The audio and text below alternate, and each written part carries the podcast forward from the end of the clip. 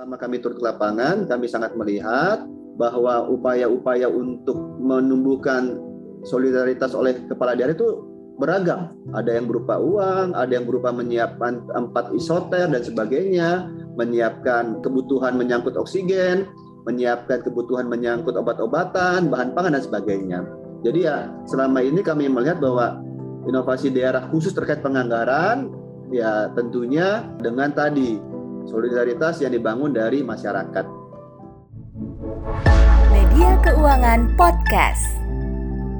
Dalam menangani pandemi, pemerintah mengeluarkan beragam kebijakan, salah satunya program perlindungan sosial. Dalam program ini, pemerintah daerah memiliki peran kunci agar bantuan dapat tersalur dengan tepat. Bagaimana peran pemerintah daerah turut serta dalam percepatan penanganan pandemi COVID-19? Adakah terobosan kebijakan yang dilakukan para kepala daerah? Simak perbincangan media keuangan dengan Dirjen Bina Keuangan Daerah Kementerian Dalam Negeri, Muhammad Ardian Nurfianto. Pak Ardian mungkin bisa dijelaskan Pak bagaimana sih Pak skema program perlindungan sosial yang dananya berasal dari APBD? Adakah program-program yang wajib dijalankan oleh Pemda? Uh, berbicara mengenai APBD itu sendiri, khusus mengenai uh, PEN sebenarnya ya, itu kami sudah mengeluarkan beberapa regulasi Permendagri 20 2020 dan secara lebih spesifik adalah Permendagri 39 tahun 2020 di dalam Permendagri tersebut, eh, prinsip seperti Permendagri yang mengatur refocusing dan realokasi, di mana pemerintah daerah diharapkan bisa memprioritaskan penganggaran di tiga sektor. Yang pertama adalah untuk penanganan kesehatan, yang kedua adalah penanganan dampak ekonomi, dan yang ketiga adalah jaring pengaman sosial. Dan di banyak kesempatan saya menangkapnya teman-teman Kemenju menilai sebagai perlinsos, perlindungan sosial gitu. Nah, di daerah itu menjabarkan Permendagri tersebut menyangkut jari pengaman sosial itu dalam banyak bentuk. Bisa dalam bentuk uang diserahkan kepada masyarakat, bisa dalam bentuk barang yang diserahkan kepada masyarakat. Nah, kalau uang sudah clear ya, berarti dia fresh money. Gitu. Tapi begitu barang, banyak sekali bentuk yang disiapkan oleh pemerintah daerah. Ada yang dalam bentuk sembako. Ada yang dalam bentuk voucher. Nanti diambil entah di koperasi atau toko-toko tertentu yang eh, levelingnya ada di masyarakat. Ada juga malah yang agak sedikit besar itu seperti uh, uh, bedah rumah bantuan uh, rumah dan banyak sekali jenis-jenis lain yang ada di daerah. Di dalam Permendagri tersebut, kami tidak pernah menyebutkan prioritas harus kesehatan atau harus harus dari pengaman sosial atau harus penanganan dampak ekonomi tidak. Karena kami ketahui bahwa dinamika di daerah terhadap COVID ini kan variannya tinggi sekali. Yang tahu prioritas pasti pemerintah daerah. Nah, dalam penyaluran bantuan sosial, Pak, salah satu kendala yang terjadi adalah kecepatan maupun ketepatan sasaran. Apa saja, Pak, upaya dari Kemendagri untuk mengatasi hal tersebut? Eh, kita harus berangkat dulu dari akar masalah ya. Akar masalah dulu apa yang menjadi kendala daerah. Sehingga kita bisa cari solusinya. Memang kalau berdasarkan data yang kami miliki per tanggal 6 Agustus 2021, alokasi bansos Indonesia itu 15,27 triliun. Dan realisasinya baru 34,29 persen atau 5,23 triliun. Yang terbagi dari pemerintah provinsi 8,93 triliun bansosnya realisasinya 40,92 atau 3,65 triliun kabupaten kota 6,34 triliun, realisasi 24,96 atau 1,58. Nah, untuk Perlinsos sendiri atau JPS, catatan kami agak beda dengan teman-teman di Kemenq. Kalau kami mencatat 8,05 triliun, realisasinya sekitar 39,85. Ini paling tinggi dibandingkan dengan kesehatan maupun ekonomi. Nah, kami mencermati dan berdiskusi banyak dengan teman-teman daerah.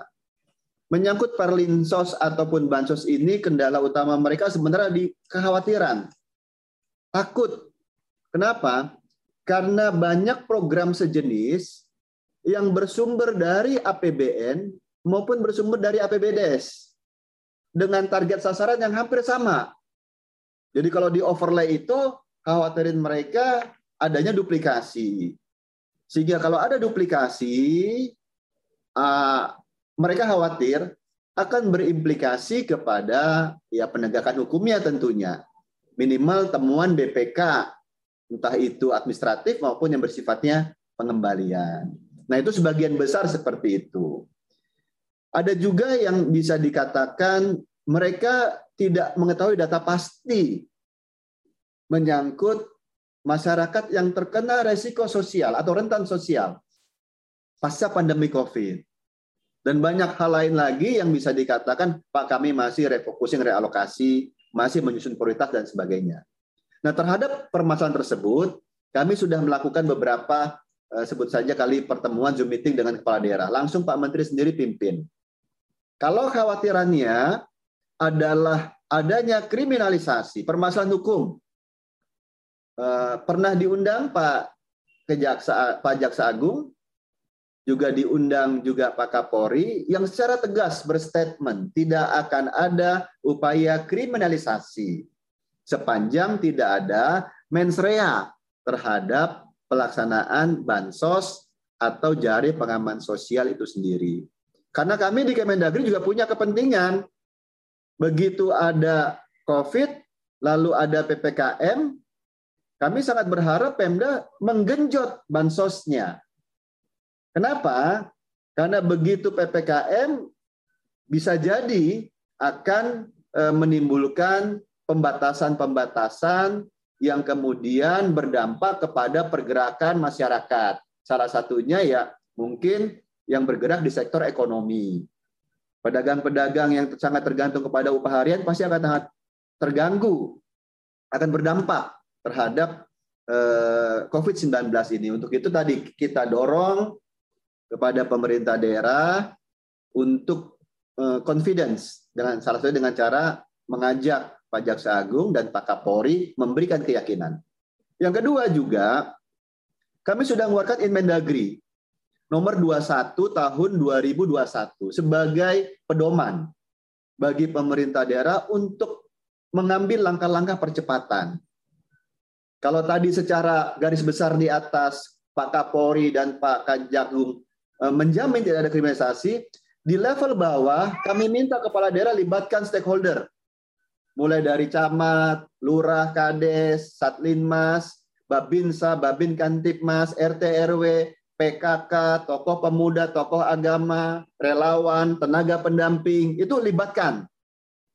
Biar mereka sendiri yang melihat dan menjadi saksi bahwa masyarakat yang menerima bansos memang tepat sasaran.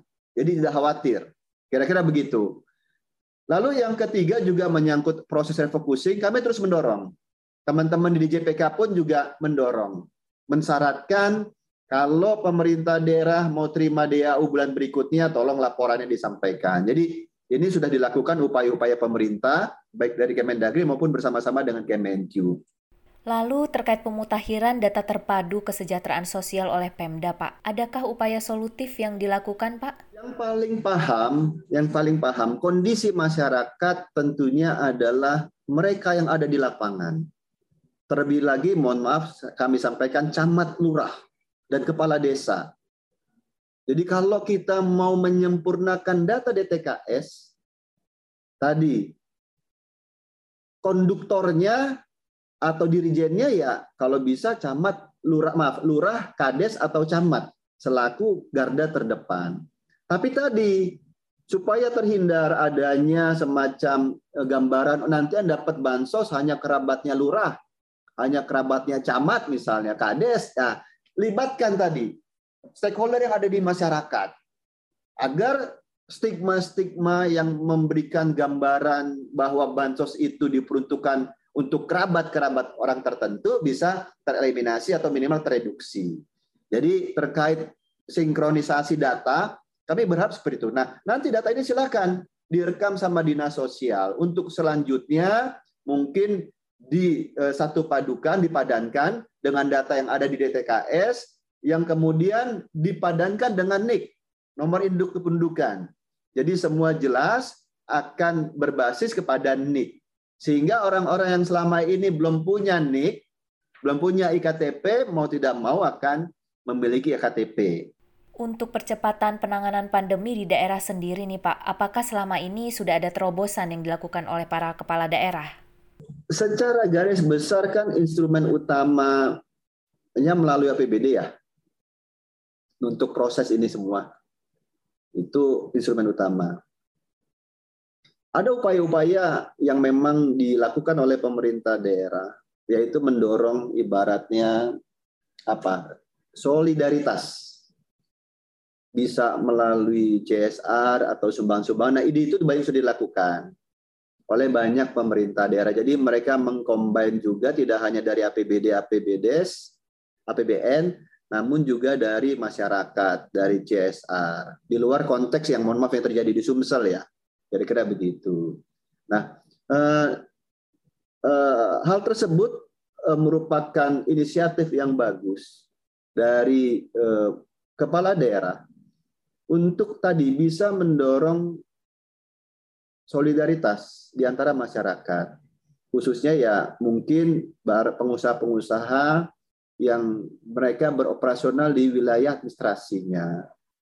Nah, kami juga tentunya sangat menerima ide-ide lain apabila kepala daerah, pemerintahan daerah punya ide-ide yang juga bisa dikatakan inovatif untuk bisa mendorong percepatan itu kami tunggu sebenarnya. Namun selama ini, selama kami turun ke lapangan, kami sangat melihat bahwa upaya-upaya untuk menumbuhkan solidaritas oleh kepala daerah itu beragam. Ada yang berupa uang, ada yang berupa menyiapkan empat isoter dan sebagainya, menyiapkan eh, apa kebutuhan menyangkut oksigen, menyiapkan kebutuhan menyangkut obat-obatan, bahan pangan dan sebagainya.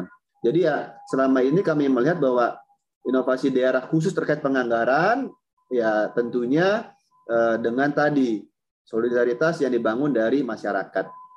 Terakhir nih Pak, mungkin ada harapan atau pesan dari Bapak mengenai bagaimana supaya anggaran di daerah bisa lebih cepat terdorong realisasinya. Selama ini saya melihat sudah bagus ya. Yang pertama DAU tidak disalurkan atau DBH apabila belum lapor. Gitu loh. Cuma kalau bisa ke depan saya berharap tidak hanya lapor, tapi juga berbasis kinerja. Misalnya, kalau realisasi terhadap jaring pengaman sosial yang fokus kita diskusi pada sore ini masih rendah, ya DAW atau DBA jadi transfer full 100%, mungkin ditransfernya 75 gitu loh. Jadi ada punishmentnya. Lebih tegas gitu ya Pak? Ya, tidak hanya laporan ya, tapi juga terhadap kinerja. Nah, nah untuk tidak salah tadi, tidak salah karena undang-undang menyebutkan DAU setiap bulan. Maka tadi kalau mereka target realisasinya masih rendah, sedangkan uang di kas daerah masih banyak, ya jangan ditransfer DAU DBH-nya. Pastikan kinerja mereka bagus, uang kas memang digunakan secara optimal yang ada di perbankan, baru ditransfer DAU DBH-nya. Itu yang punishment. Tapi juga kami sangat berharap tidak hanya punishment, karena kan membina daerah cuma dua kok, reward dan punishment. Begitu mereka, eh, mohon maaf bukan salah ya, eh, tidak tidak eh, apa, tidak sesuai dengan target capaian, ya. Efektif gitu ya, ya Pak. Kasih dia punishment. Tapi kalau ada Pemda, ya ternyata target outputnya bagus, realisasinya bagus, ya kalau bisa berikan juga reward, entah dalam bentuk dana insentif daerah ataupun bentuk lainnya yang kira-kira uh, tentunya memberikan stimulus bagi pemerintah daerah. Tidak harus tahun ini, tapi juga mungkin tahun depan. Kira-kira begitu. Jadi daerah akan saling berkompetisi. Kalau kami di Kemendagri sifatnya hanya woro-woro. Pak Menteri buatkan misalnya surat teguran kepada 19 gubernur. Saya atas nama Menteri membuat surat teguran kepada 396 kepala daerah. Gara-gara kepala daerah tidak bayar insentif nakesnya. Misalnya begitu. Jadi kita saling sinergi nih. Nah, begitu ada daerah yang bagus, Pak Menteri buat surat apresiasi, ucapan terima kasih kepada 10 gubernur. Saya pun kepada 112 kepala daerah, kabupaten kota. Apresiasi karena sudah bagus kinerja keuangan dan outputnya. Nah, kalau ada apresiasi, tidak hanya ucapan terima kasih, tapi ada support pendanaan, tentunya akan lebih paripurna apresiasi tersebut atau reward tadi. Jadi ya ke depan mereka akan berkompetisi. Yang lemah-lemah ini mereka akan sadar, oh saya dikasih teguran, dipublish. Malu. Yang bekerja dengan baik, dikasih apresiasi, dan dapat reward berupa insentif. Jadi kita harapkan sinergi seperti ini yang kita bangun ke depan.